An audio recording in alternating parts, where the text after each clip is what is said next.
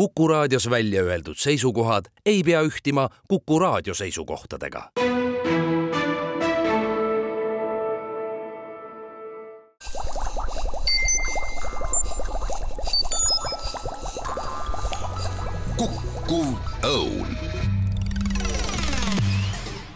Head kuulajad, Kukuv Õun eetris teadussaade ja täna teadusest räägimegi.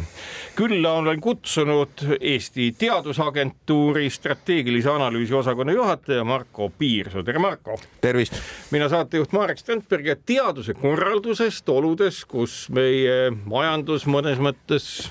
allamäge läheb ja kõik loevad raha ühte ja teistpidi, aga ometi kuklas on meil teadmine selle kohta, et mida teadusmahukam on meie tööstus, mida teadusmahukam on meie majandus, seda edukamalt võiks meil ka laiemas plaanis minna. Neist teemadest ka räägimegi. Marko, teadusagentuur ei ole nüüd ettevõtluse arendamise asi ja organisatsioon, aga ometi ju väga suur roll selles, millise kvaliteediga on Eestis tehtav teadus, on ju otseselt sellele, milline saab olema meie järgmise põlvkonna tööstus- ja majandusettevõtted. ja noh, see on tõsi küll, et, et teadusagentuuri sihtgrupp eelkõige on akadeemiline teadus, aga mitte ainult, sellepärast et praegu näiteks on, on Eesti riik rahastab sellist võimalust, et akadeemilised teadlased lähevad hoopiski Eesti firmadesse tööle ja teevad seal vähe rakenduslikumat asja ja kasutavad oma teadmist siis ära nagu reaalselt mingisuguse tehnoloogia juurutamisel, mingisuguse kvaliteedihüppe saavutamisel sellel firmas no.. väga huvitav, kuidas see välja näeb selles mõttes, et alati on ju probleem selles, et kui riik oma raha annab, noh, kasvõi näiteks sellise ülla plaani peale, et ükskõik milline ettevõte saab endale siis riigi toel teadlase palgata. kas see teadmine on siis kuidagi kaitstud, et see on vaid selle ettevõtte oma või see peab olema ka siis kõigile kasutatav või mismoodi nende avalike rahadega teaduse tegemisega on vaat see on hea küsimus, et äh, kui ma sulle ausalt ütlen, ega ma täpselt seda ei oska öelda, sest nii-öelda see meil ametnikel, meil on sellised asjad nagu rahastusmeetmed, mille, mille kõik tingimused tuleb täpselt läbi lugeda. kuna minu osakond sellega otseselt ei tegele, ma pole neid läbi lugenud, aga, aga minu kujutelm ikkagi on reaalselt see, et, et firmadele antakse raha selleks, et palk, palgata kõrge kvaliteediga spetsialiste ülikoolidest, avalikest teadusasutustest endale appi ja kõik see teadmine, mis siis, mis siis nagu genereeritakse, see on ikkagi selle ettevõtte otsustada, kuidas ta selle teadmisega, mis ta selle teadmisega edasi teeb, kas. see on, tundub üle, ma ei tea, pika aja, tõenäoliselt üle kümnete aastate vähemalt kostub kõrva järgi esimene selline toetusviis, mis tõepoolest ettevõtjale annab võimaluse ise palgata, ise defineerida ülesanded, mida teadlasele antakse ilma mingisuguse keerulise vaheetapita, olgu see siis leping ülikooliga või millegi muuga? ma ei ole nõus, ei ole, ma arvan, et ettevõtluse arendamise sihtasutus, mis praegu on ettevõtluse innovatsiooni sihtasutus, temal on ju rakendusuuringute programm, kus ka reaalselt äh, ettevõtted taotlevad, ettevõtted saavad raha, seal on noh, nagu, nagu äh, ettevõtete toetamise ikka, seal on omafinantseering ka. Ka muide sellel nii-öelda teadlaste palkamisel ettevõttesse on nagu firmapoolne panus peab ka olema, mis on minu meelest normaalne. Ja, ja seal on ju päris suured sellised toetused, mida EIS on andnud selleks, et et, et ettevõte lahendaks üht, üht või teist probleemi, noh. minu meelest seal vist on nii, et see ähm, raha saadakse lepingu tegemiseks mõne akadeemilise asutusega ehk et selline otse enda käe järgi teadlase palkamine on vist unikaalne täna Eestis ma ei, ma ei julge ma ei oska öelda, aga lihtsalt kostub ma ei tea, ma, ma võib-olla tõesti, et mingisuguse osa tööst või, või suure osa tööst pead sa ülikoolis tellima nende rakendusuuringute programmi alusel, aga ma arvan, et siiski ka firmades tehakse ära nende nii-öelda rahastuste abil päris suur, ma arvan, et see Covidi, Covidi kriis väga hästi meile näitas, kuidas, kuidas ikkagi EIS või tolleaegne EAS panustas ligi vist üheksa miljonit eurot erinevatesse Covidiga seotud projektidesse, ettevõtetesse, kus siis, kus siis me noh, seesama bioplokk, eks ole, on, on üks selline näide, aga ma ja arvan. ma saan aru, et ka Eesti kohalik äh, kaitsemaskide tööstus põhimõtteliselt sai ju ja. samadest allikatest ja. endale jalad alla ja, ja ilmselt to toimub tänase, toimib tänase päevani. just, ma arvan, et, et nii-öelda ka jah, kait-, et päris palju materjaliteaduses ja biotehnoloogias tegelikult toimus kvalitatiivne hüpe, see oli hirmus kriis, aga, aga Eesti teadus ja Eesti teadusmahukas ette ettevõtlus tegelikult õppis sellest päris kiiresti päris palju. kui me tuleme nüüd strateegilise analüüsi juurde lähemale, siis äh, see, mis mulle ju silma paistab ühel või teisel moel teadusest ja teadusteemadest äh, kirjutava ja, ja siis ka erinevaid lugusid avaldava inimesena Postimehes, siis ma näen nagu seda, kuidas selmet tekiks nagu selline ma ei oska öelda, ühisrinne mingit õiget asja ajada ja kuna riik on väike, siis tõenäoliselt kõiki asju, mis maailmas ette tuleb, me ajada ei saa. et pisitasa nagu seda teadus sildi all tegevust äh, on kogunenud ju põhimõtteliselt praktiliselt kõikvõimalike Eestis tegutsevate ministeeriumite halduse alla. nii see on ja, ja ma arvan, et äh, see on mu isiklik seisukoht, ma arvan, et see on probleem, et meil taasehitatakse üles sellist paralleelstruktuuri, mille me Eesti riigi all nii-öelda alguses me otsustasime, et meie teadussüsteem põhineb ülikoolidele. ja taustaks ole... nii palju, et tollel hetkel ju Teaduste Akadeemia kõikvõimalikud instituudid, mida oli arvukalt, need kantigi ülikoolide kontodele üle. no ülikool, kas kanti üle või tegelikult need teadlased jah, hakkasid ülikoolides tööle, ülikoolid võtsid üle selle kohustuse tegelikult teha seda tüüpi teadust, kohati mõnele ülikoolile mõnes valdkonnas oli see päris uus, uus äh, nagu suund, mida arendada ja minu meelest on see hästi toiminud, sellepärast et ega siis äh, Nõukogude ajal Teaduste Akadeemia instituutide üks probleem oli ju järelkasv. inimesi ei ole lõputult, eks ole et, et väga selgelt nagu ülikoolidest äh, ei saa, ei, ei leitud piisavalt hulgal noori teadlasi. aga nüüd, tulles tagasi tänase päeva juurde, tõepoolest, meil on ministeeriumites, erinevates ministeeriumites paisuvad instituudid, nagu näiteks on Tervise Arengu Instituut, on Keskkonnauuringute Keskus, Keskkonnaagentuur, kõik nad teevad mingil kombel teadus või tea-, teadust või, või teadust toetavaid tegevusi, maaelu teadmuskeskus, eks ole, minu küsimus on ikkagi see, et, et keegi, võib-olla see on õige tõenäoliselt on see ministeer-, riigile lihtsam, sellepärast et kui see on riigiasutus, esiteks on sinna, sinna lihtsam ülesandeid anda, eks ole,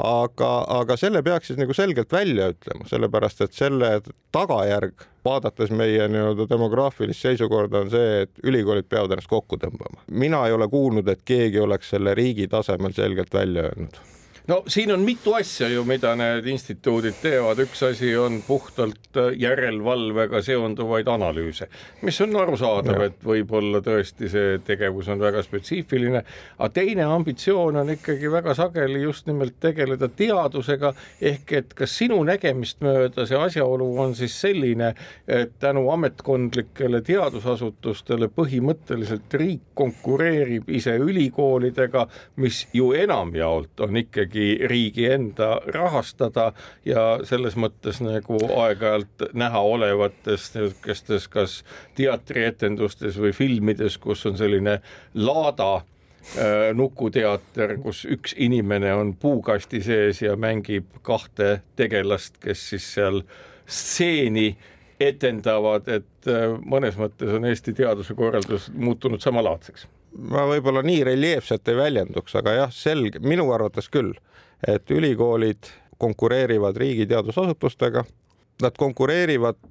täna veel kohati küll erinevale rahastusele, aga, aga juhul, kui aina rohkem neid riigi teadusasutusi muutuvad selliseks evalveeritud teadusasutuseks ehk teisisõnu, neil on nagu ligipääs kõikidele ka konkurentsipõhistele rahadele, siis see konkurents läheb märksa karmimaks, kuna neil on eelis eelis äh, nagu riigi poolt otse antud rahastusele, siis võib-olla ka ülikoolidele ebasoodsamaks. Kas ma saan aru, et äh, neil on ka teine konkurentsieelis, mille sisu on see, et neil ei ole kohustus õpetada üliõpilasi? no see on, see on veel konkurentsieelis, aga tulles tagasi su alguse küsimuse juurde, et sa ütlesid, et et kohati on nendel riigi teadusasutustel väga spetsiifiline järelevalve funktsioon, et meil on nii väike riik, ma ei tea, kas riigi, riik on pakkunud ülikoolidele sellist järelevalve, noh, võtame näiteks mingisugused tervisega seotud registrid, miks ei võiks need olla Tartu Ülikoolis, kus, kus on nii-öelda enamus meditsiinialast teadust, eks ole, kus on olemas ülikooli kliinikum miks neid registreid peaks pidama nagu riik eraldi? võib-olla ülikoolid ei taha seda, ma ei tea, aga. kas ma oletan, et ülikoolid on ju teinud ka enda poolt ühe teise väga jõulise deklaratsiooni, mis on ju see, et ülikoolid on autonoomsed ehk et nad on ennast justkui ise formaalselt noh, riigist lahti ühendanud, öeldes, et me teeme täpselt seda, mida me tahame teha. no ma jälle päris nii. ma küsin. ja ei, ei, ma, ma, ma arvan, et noh vähem reljeefsena tõde seal on jah, et ülikoolid ja ülikooli teadlased ju ütlevad, et, et meie teeme täpselt seda, mida me tahame, eks ole, et meil on seda, see ajalugu riigile vajalikust teadusest üsnagi lühikene, eks ole, ja, ja, ja, ja tegelikult teadlane on kasvatatud, teadlased on kasvatatud nii, et vaat me ise mõtleme, me püstitame hüpoteesi ja siis kas lükkame selle hüpoteesi ümber. Riigile vajaliku teaduse puhul nii ei saa, sest riik ütleb sulle, mida siis ikkagi päriselt vaja on teaduslike küsimustega või vastustega nagu lahendada. see on nagu laiemas plaanis ühiskonna huvides olev tegevus, mis annab noh, väikse lipukese sellele tegevusele juurde, et noh, päris igat asja pole mõtet teha, aga mu Just. enda kogemus ütleb ka seda, et kui sa lahendad mingit praktilist ülesannet, siis selle käigus pead sa lahendama ka väga paljusid fundamentaalseid küsimusi. jah, ma, ma arvan, et sul on õigus ja, ja ma, ma arvan, et, et noh, et ega, ega siin ongi, teadlased on ju ka erinevaid, ma nagu võib-olla ma üldistan natuke liiga palju, aga mulle, mulle tundub, et näiteks Tehnikaülikool nagu ajalooliselt on rohkem nagu näoga riigi poole, kui seda on olnud Tartu Ülikool, see on ka loogiline, eks ole, Tartu Ülikool on selline universaalne ülikool, mis, mis võib-olla ongi üles ehitatud klassikalise uni-, mitte võib-olla, vaid kindlasti klassikalise universitase printsiibil. tehnikaülikool on ju alati on, on nagu rohkem proovinud selliseid praktilisi probleeme lahendada. kuigi nüüd on sinna tekkinud küll meditsiiniõpe, küll väga paljud muudki asjad, arhitektuur ja kõik muu. no arhitektuur ikkagi oli ka Tehnikaülikoolis kunagi, et see on ka inseneriõpe on arhitektuur, aga, aga meditsiiniõpet ma küll ei tea, et seal oleks, aga on, on, nüüd on tekkinud okay.. nüüd äh, meditsiinitehnikat ja sellist Aa, asja. meditsiinitehnoloogiat, jah. seda ja. tehnoloogiat nagu õpetatakse ja seal on ikkagi õpetajateks ikkagi tegevarstid.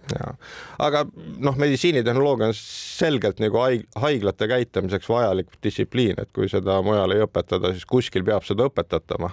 et, äh, et aga noh, jah, muidugi noh, me võime ju diskuteerida lõputult, et kas on sotsiaalteaduskonda TTÜ-sse vaja, et need diskussioonid on siin juba aastate jooksul ära peetud päris kõrgel tasemel Eesti riigis, et et ma ei arva, et see on nagu midagi paha on, aga noh, niisugune üldiselt ikkagi inseneeria TTÜ-s on, on noh, ma arvan, ta saab riigiga hästi läbi ja riik saab temaga hästi läbi. siinkohal teeme saatesse väikese pausi, kuulake meid pärast vaheaega edasi. kukkuv õun. head kuulajad Kuku Õun eetris teadussaade, külas mul Eesti Teadusagentuuri strateegilise analüüsi osakonna juhataja Marko Piirsoo, mina saatejuht Marek Strandberg. kõnelesime just sellest, milline on Eesti teadus ehk et me jaksame nagu vähemalt esialgu üles tõsta nii alusuuringuid kui rakendusuuringuid. kui edukad need on, on iseküsimus, sellepärast et riigikontroll on aeg-ajalt ju osutanud selle peale rahalised vahendid, mida vähemalt näiteks ettevõtluse arendamise sihtasutusse on panustatud, on majandust kasvatanud enam-vähem täpselt nii palju kui nende enda väärtus. ehk et see lisaväärtus kipub tekkima väga raskelt ja no ütleme, paljudel juhtudel, kus lisaväärtust tahetaks tekitada, on mingid imelikud bürokraatlikud või kes teab, millised takistused ja no näiteks selline potentsiaalne majanduse kasvataja nagu Skeleton, millest palju Eesti riigi kontekstis räägitakse, on tänaseks liikunud Saksamaale ja tuleb tagasi siiapoole küll, aga läheb ja ostab üles või on juba ostnud üles ühe Soome ettevõtte ja hakkab oma akusid tootma seal. millest niisugune muutus toimub, et just nagu kõik on väga ilus sõnades, aga praktilised toimingud, mida me näeme ettevõtete poolt hoopis teistsugust eh,? ma ei oska väga nagu ettevõtete käit-, käitumist kommenteerida, küll aga mul on nagu tunne, et tegelikult Eesti riik on väga head eeldused loonud selleks, et riigile vaja, vajalik teadus, sealhulgas ka nii-öelda ettevõtluse, teadusmahuka ettevõtluse toetamine oleks meil heal tasemel, meil, meil, meil on nagu need riigi poolt tehtavad, ütleme siis süsteem on üles ehitatud, aga, aga see sai valmis üsna hiljuti. Ja, ja, ja nüüd me peaksime nagu töötama selle nimel, et see süsteem võimalikult kiiresti käima läheks. ma ütlen, no ma toon näite. too näide, siis ma küsin. et, et minu meelest üks väga hea asi, mis on Eestis, on, on erinevates ministeeriumites olevad, olevate teadusnõunike kohad, et reaalselt iga ministeerium on, on endale palganud ühe inimese, tema ametipost on teadusnõunik kes peaks siis nagu koordineerima või olema osaline, olema eestvedaja selles, et, et aru saada, millist teadust see sektoriaalne ministeerium vajab, kuidas seda teadust võiks finantseerida ja ole, olemas eestvedaja. noh, ma, ma, ma arvan, et see on niisugune suht unikaalne värk, erinev, et riik, paljudes riikides seda ei ole ja aga, aga see on meile uus ja me peame õppima, kuidas seda kasutada võimalikult efektiivsel moel. kas sinu sõnum tegelikult praegusel hetkel on see, et nüüd äh, võib-olla vähe märgatult avalikkuse poolt või kirjeldatult on siiski mingid olulised muutused, vähemalt teadusagentuuris ja tõenäoliselt ka ettevõtluse arendamise sihtasutuses, mis ta uus nimi nüüd oligi, toimunud, et põhimõtteliselt ettevõtjad, kes ehk ma ei tea, koroonapandeemia eelsel ajal olid skeptilised, et äh, sa julgustad neid uuesti tulema ja oma, oma äh, teadusmahukate arenguteede küsimusi teadusagentuuriga läbi arutama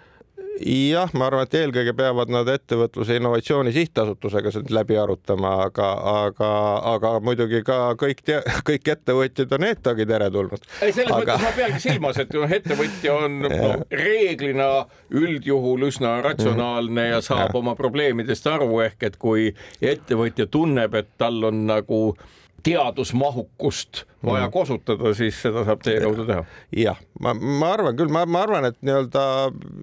ärme nüüd lähme, ETAG ja EIS on nagu detailid, et tegelikult ma arvan, meie, meie riik on ikkagi väga tubli olnud. muutused on tänaseks toimunud. süsteem on üles ehitatud, on minu väide. ehk et äh, tänasel hetkel oleks nii-öelda ütleme hüpoteetiliselt siis sellesama Skeletoni võimalus oma tootmine üles ehitada Eestis oluliselt parem kui aastaid tagasi. seda ma ei julge öelda nüüd, kui me vaatame hoopis teist maailma värki, mis toimub lombi taga Ameerika Ühendriikides, kus ju sellist noh, kuidas ma nüüd ütlen, nagu spetsiifilist fundamentaalteaduse või noh, toetamist kui sellist ei ole, et seal lombi taga näib kõik olevat üsna praktiline, kõik, mille jaoks raha antakse, üsna praktiline. kõik ülesanded, mida püstitab küll Tarpa, küll paljud nagu teised, väga praktilised, ometi üle kahe ja poole saja Nobeli preemia laureaadi maailmas, tõenäoliselt üks priskemalt Nobeli preemia laureaate tootev ühiskond lahendab väga palju fundamentaalseid küsimusi just nimelt selles kontekstis, et esialgu antakse hoopis teiste probleemide lahendamiseks ülesandeid, ka riiklikke ja selle käigus munevad need haned, pardid või kanad, tohutult kõikvõimalikke kuldmune, mis on kasutatavad nii ettevõtluses kui meie üldise teadmise täpsustamisel. jah, ma arvan, et, et üks selline selge võimalus viia läbi kvalitatiivseid muutusi ühiskonnas, sealhulgas ettevõtluses, on see, et sa annad teadlasele nii vabad käed ja siis võib-olla üks sajast teadlasest äh, teeb sellise asja ära, mis on kasutatav võib-olla küll mitte homme ega ülehomme, aga kümne aasta pärast ettevõtlus. minu meelest, minu arusaamist mööda tegelikult Ameerika Ühendriikide teadus nii töötab, et tegelikult nii-öelda antakse väga paljuski vabad käed nii-öelda see alt ülesse pool. on ka teine pool, Tarpa ilmselt seda väga ei rakenda, et ei, Tarpa on, Tarpa, Tarpa rakend-, see on väga huvitav, kuidas Tarpa toimib. Nende enda võimekus aru saada olulistest küsimustest, mis vajavad lahendust, on olemas. Nad defineerivad selle lahenduse vajaduse, nad rahastavad rikkalikult lahenduse leidmist, nad ei esita pretensioone, kui lahendust ei leita -hmm. aga nii-öelda lõppkokkuvõttes kosutatakse mingit uut teadmist ja tavaliselt sealt ka lahendus tuleb jah, ma, ma arvan, et oma väikses sellises mikromudelis tegelikult ka Eesti riik praegu proovib seda teha, kuna meil on, eks ole, teaduse-arenduse innovatsiooni strateegia fookusvaldkonnad me oleme nad defineerinud ja mõte on selles, et nüüd hakatakse nagu rahastama valdkondlikke teadus-arendusprogramme, kus siis need teemad võimalikult laialt nii-öelda äh, püstitatakse ja siis loodetakse, et sealt teema seest tuleb siis ka sellist teadmist, mida riik ja võib-olla ka siis ettevõtlus suudab ära kasutada. et, et see on ja see, seda ma pean jälle niisuguse hea näitena silmas, et, et, et meil meil on need asjad olemas, need on käivitamisel. Nendest programmidest, mis Eesti riik on plaaninud, aga räägimegi pärast väikest vaheaega.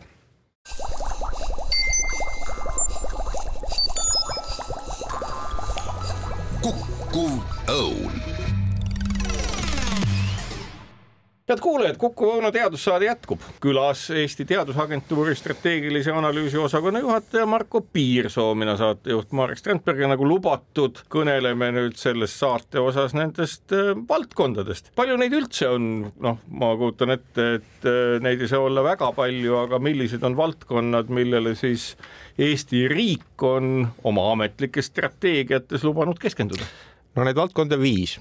on siis info- ja kommunikatsioonitehnoloogia, tegelikult need nimetused on pikemad, aga ärgem vast nagu väga bürokraatlikuks ei, lähme. väga ei suuda nagunii järgi öelda, et ja. räägime laiemalt. info- ja kommunikatsioonitehnoloogia, siis on tervisevaldkond, siis on ressursid ja energeetika ja eesti keel ja kultuur. Need on viis valdkonda no samas ma just kujutan ette, et noh, need on nagu definitsiooni mõttes nii laiad valdkonnad, et sinna alla võib panna kõike, mida vähegi. kui täpselt need on paika pandud? ja vot, vot siit tulebki, et, et see on, see detailsusaste on minu arusaamist mööda nendest fookusvaldkondadel väga erinev, et ma, ma tooksin välja kaks niisugust head näidet ja noh, ei ole vist üllatus, et, et et selline väga eesrindlik näide on ikkagi IKT nii meie majanduses, meie teaduses, eks ole, kus on fokusseeritult juba aastaid seitse sellist prioriteetset suunda paitud, seitse tehnoloogiat, mida arendatakse, mida rahastatakse erinevalt poolt. ka ülikoolid ise on need seadnud enesele prioriteediks aga ometi me oleme olukorras, kus jätkuvalt on kogu aeg puudu IT-valdkonna inimestest, no inseneridest ka laiemalt, aga ka IT-valdkonnas ju ettevõtjad noh, mõnes mõttes ägavad personalipuuduse käes. see on tõsi aga võib-olla see on nagu paratamatu meie demograafilist olukorda vaadates, et me ei saa, ei ole ju võimalik, et kõik lapsed lähevad IT-d õppima, et äh, konkurss minu arusaamist mööda IT-valdkond on ikka suhteliselt suur ja teine asi, Eestis on siiski ka väga head programmid ümberõppeks, kus siis nii-öelda mingi teise valdkonna inimene, kes on saanud hariduse, õpib ümber IT-valdkonda ja saab, saab seal, seal siis nii-öelda hakkama. et noh, küsimus on tegelikult ju selles, et meil ka ülikoolid väidavad ja õigusega, et doktoriõpe IT-valdkonnas on noh, ei ole võib-olla nii, nii mahukas, kui ta võiks olla no see on ka üsna arusaadav, et kui inimesel on juba mingid oskused olemas ja mingi ettevõte on ta kaasanud tegemaks mingeid uusi asju, millel kasu nii teaduses kui majanduses, siis loomulikult nii-öelda need sissetulekud on niivõrd hääd, et ega ju keegi ei kujuta ette, et ta peaks oma aega kasutama millekski muuks, näiteks doktoriõppeks ja plaanima mingit muud tegevust kui seda, mis kõige ihule kasulikum ja tõenäoliselt huvitavam. ja huvitavam. et ja, aga, aga see, see toobki välja noh, jälle nii-öelda hargneme küll suhteliselt nagu mujale, aga et, et kui vaadata isegi väga eesrindlikke IT-ettevõtteid Eestis, näiteks nagu aktsiaselts Küber, et ega seal ei ole niimoodi, et on doktorikraadiga teadlasi jalaga segaga. enamus siiski teadust tegevad inimesed seal ei oma doktorikraadi, et küsimus ongi selles, et kas IT-s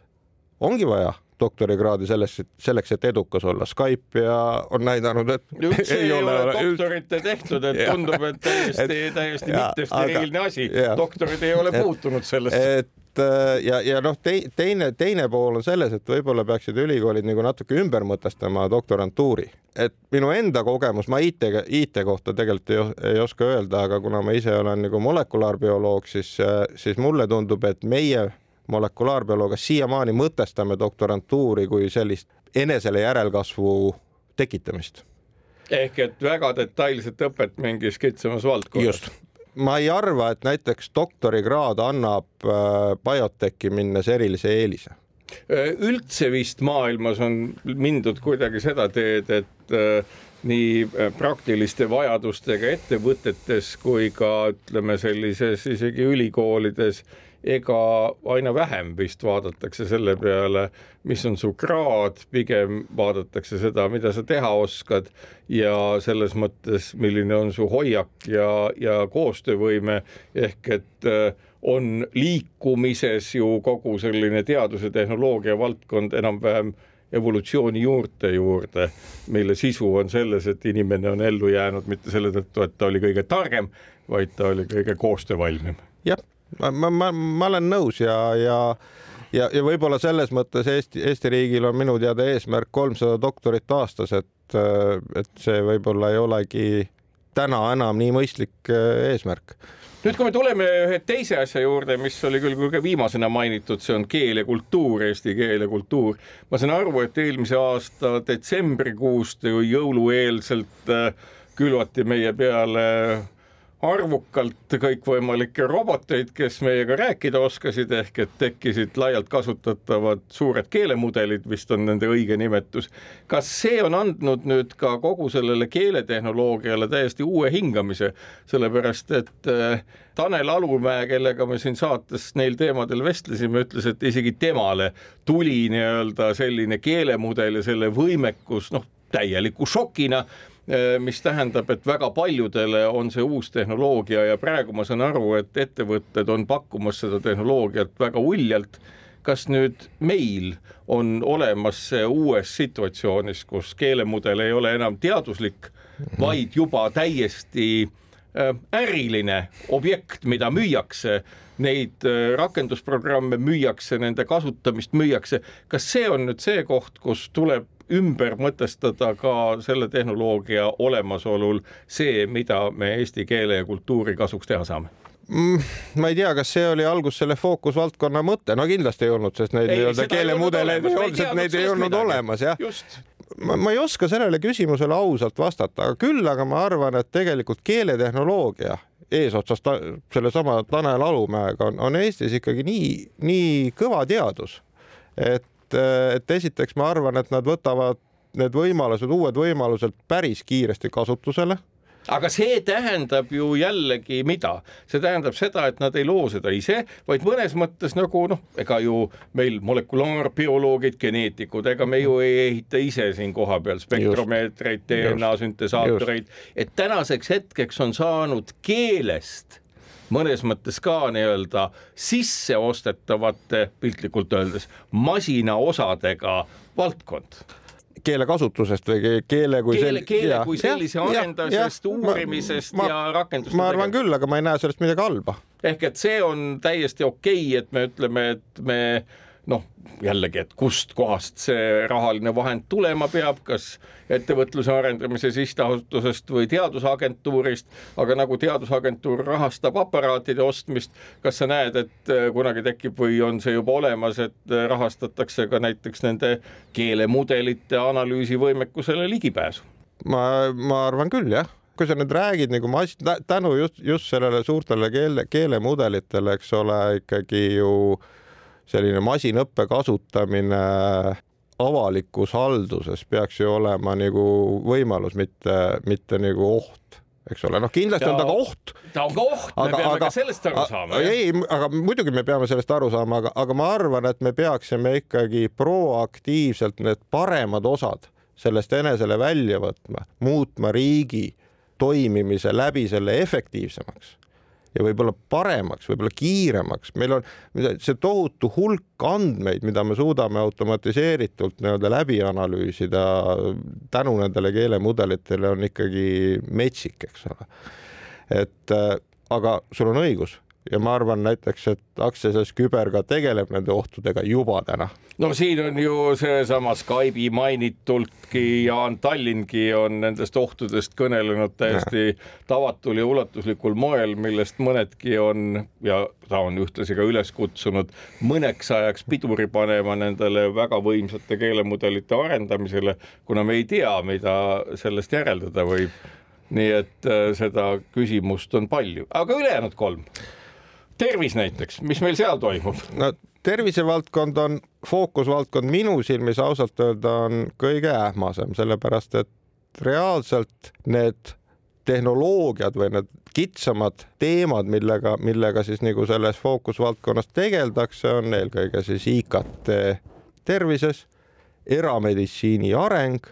ja võib-olla siis selliste uute diagnostikameetodite kasutusele võtmine, kui seda niimoodi võib ja, ja, ja minu probleem on nagu selles, et kui me näiteks adumegi seda, et meil Eestis ei ole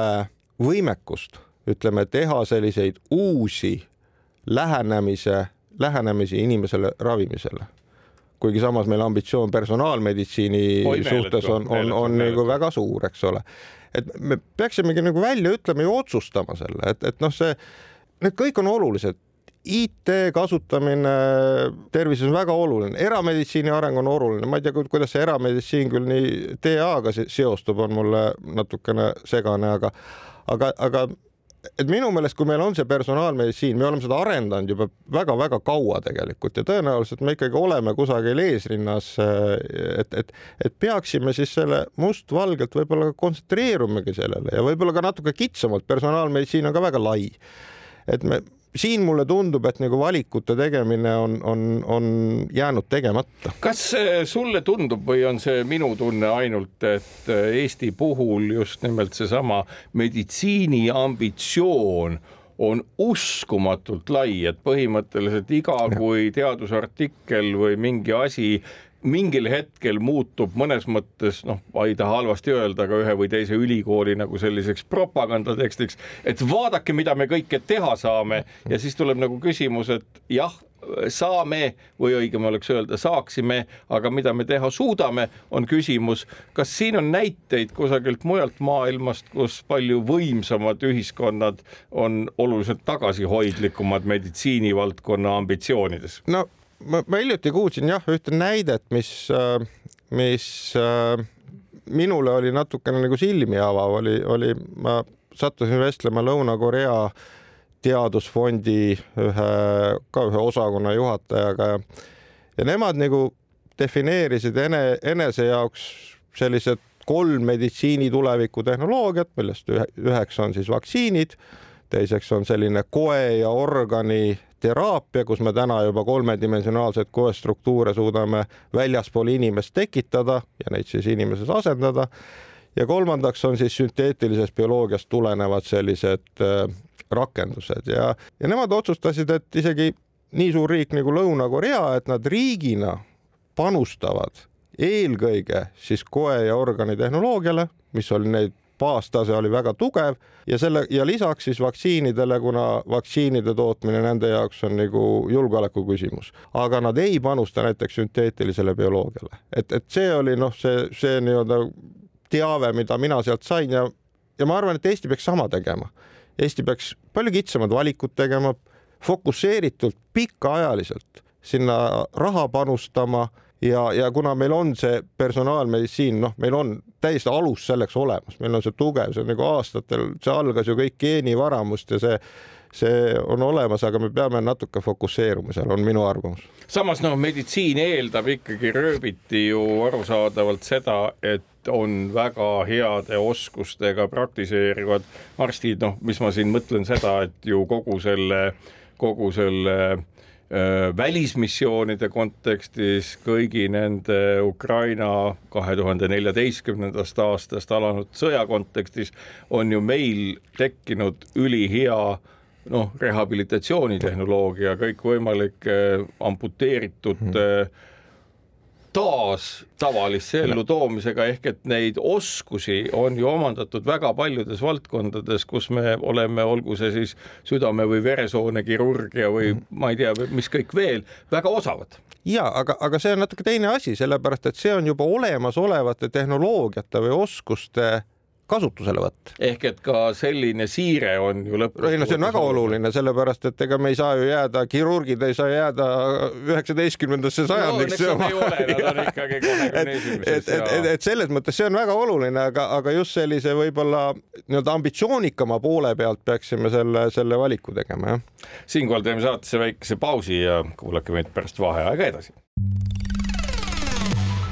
õun kukkuv õunasaade jätkub, külas Eesti Teadusagentuuri strateegilise analüüsi osakonna juhataja Marko Piirsoo, mina saatejuht Marek Strandberg ja jõudsime läbi võtta eelmises saate osas kolm tehnoloogia valdkonda, millesse ja teadusvaldkonda, millesse Eesti panustab ehk keele, informatsioonitehnoloogia ja tervise. nüüd on jäänud siis kaks, ressursid ja energeetika, mis meid seal ees ootab ja mida me teha oskaksime minu jaoks energeetika on fookusvaldkond on nagu hästi kirja saanud ja ma loodan, et see läheb hästi käima, et seal on nagu mustvalgelt nagu öeldud, et ega meil Eestis nagu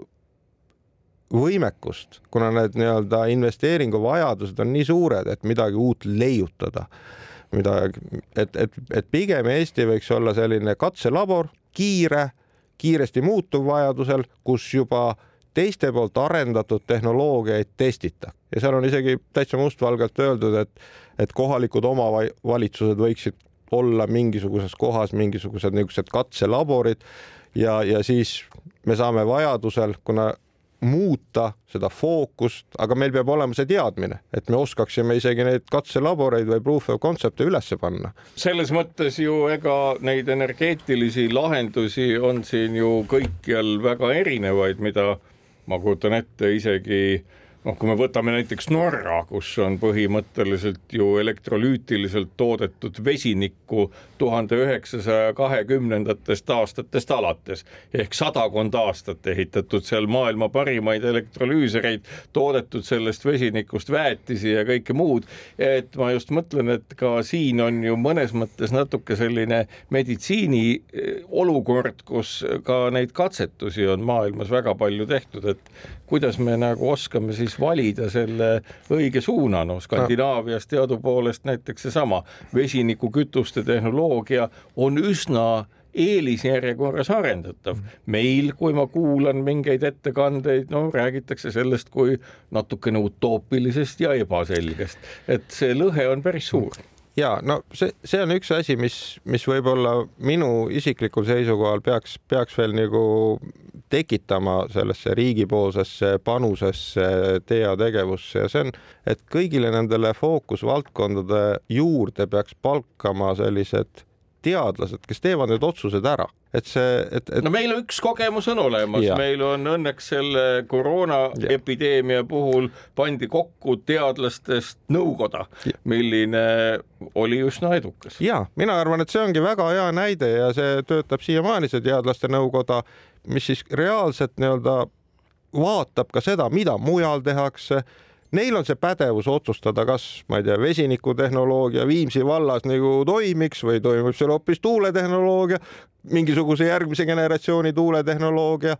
ja nemad saaksid ka kaasata mingisuguseid spetsialiste ükshaaval, aga, aga, aga nad peavad olema, mina arvan, et nad peavad olema reaalselt riigi palgal. kõrge kvalifikatsiooniga teadlased, kelle töö ongi see vaadata, mis maailmas toimub, mis toimub prognoosides kümne aasta pärast, kahekümne aasta pärast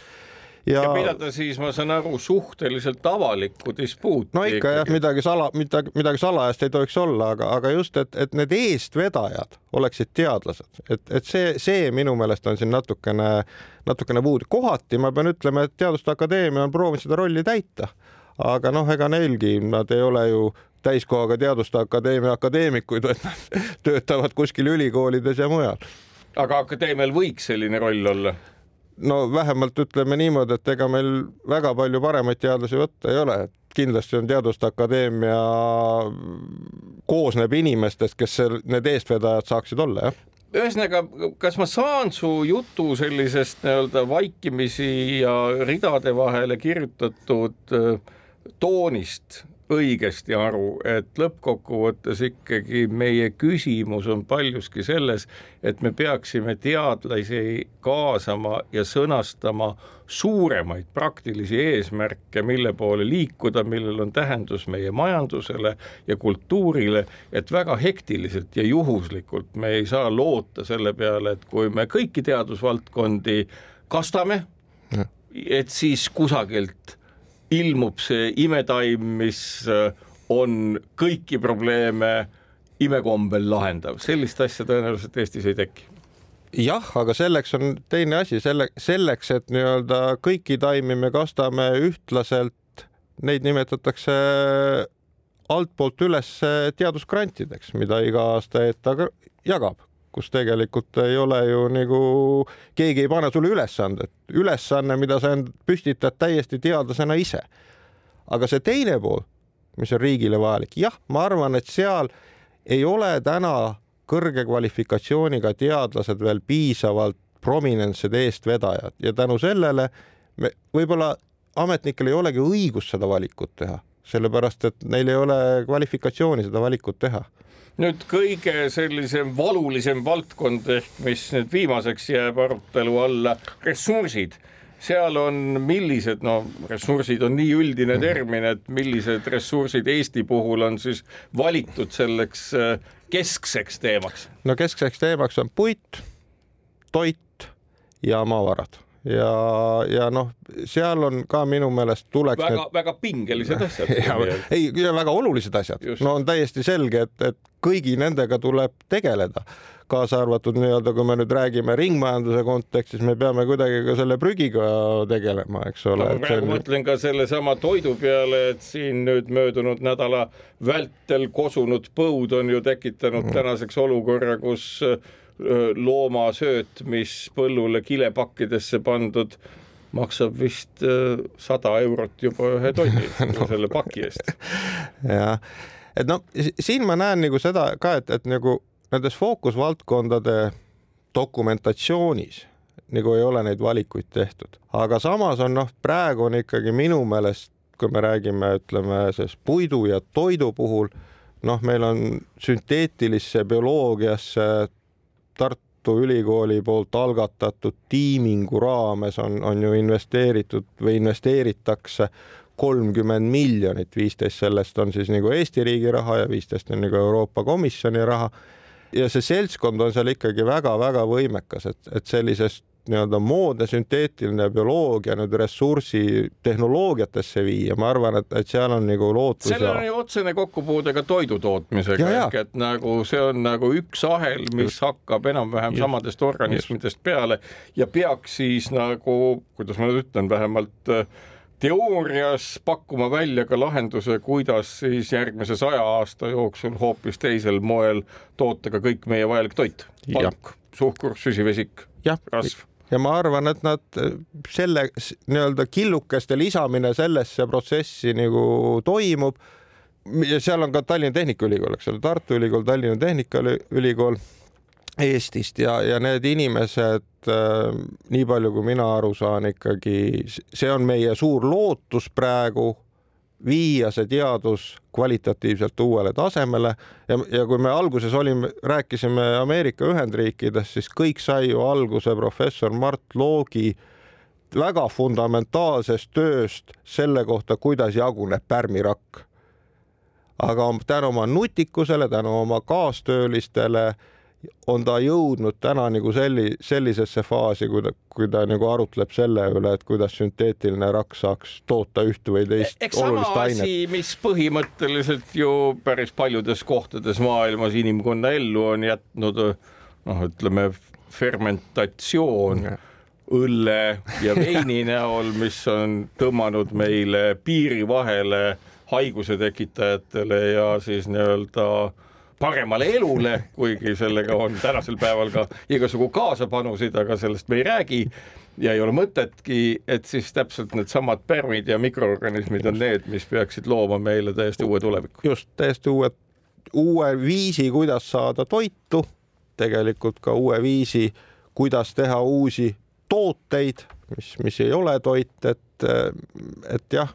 ja, ja. ja siis ma saan aru ka selles kontekstis juba ainete sünteesimise loogika kontekstis ka selle lahenduse, kuidas seda kõike taaskasutada loodetavasti. mõeldes välja seda, kuidas sa asja teed, saab väga lihtsalt ja. välja mõelda ka selle, kuidas sa tehtud asja uuesti algosadeks lagundad. jah, ma, ma arvan küll, et need inimesed mõtlevad sellisest kontekstist, sellistes äh, nagu paradigmades, et äh, tulles tagasi selle fookusvaldkonna juurde, et kuigi nagu see fookusvaldkond ise ei ole nagu riiklikul kombel mulle teadaolevalt ei ole selliseid kitsendusi teinud ja, ja on noh ei ole päris fookuses, ütleme nii. aga, aga just tänu sellele, et meil on Eestis ikkagi selles valdkonnas väga hea. objektiivi peal on see number täpselt teada, mille peale peaks keerama, et pilt fookuses oleks. ja noh, meil on ka, eks ole, ettevõtted, toidu ja fermentatsiooni takk ja, ja sellised äh, biotechi ettevõtted, kes, kes kõik saavad sinna panustada. et see ongi meie fookus, ma arvan, selles fookusvaldkonnas tänan, Marko Piirsoo, et said tulla ja selgitada seda, kuidas ähm, enda tulevik õnneks üsna hästi planeeritavalt fookusse keerata ja võib-olla paljudki tänasel hetkel väga valusalt inimeste rahakoti pihta löövad ettevõtlus- ja majandusprobleemid, no loodetavalt küll mitte homme, aga vähemalt äh, aastate pärast ja vähem kui põlvkonna jooksul siiski uute tehnoloogiatega lahendada. aitäh! sellega on Kuku Õuna saade läbi, kuulake meid jälle täpselt nädala pärast ja kaunist päeva teile!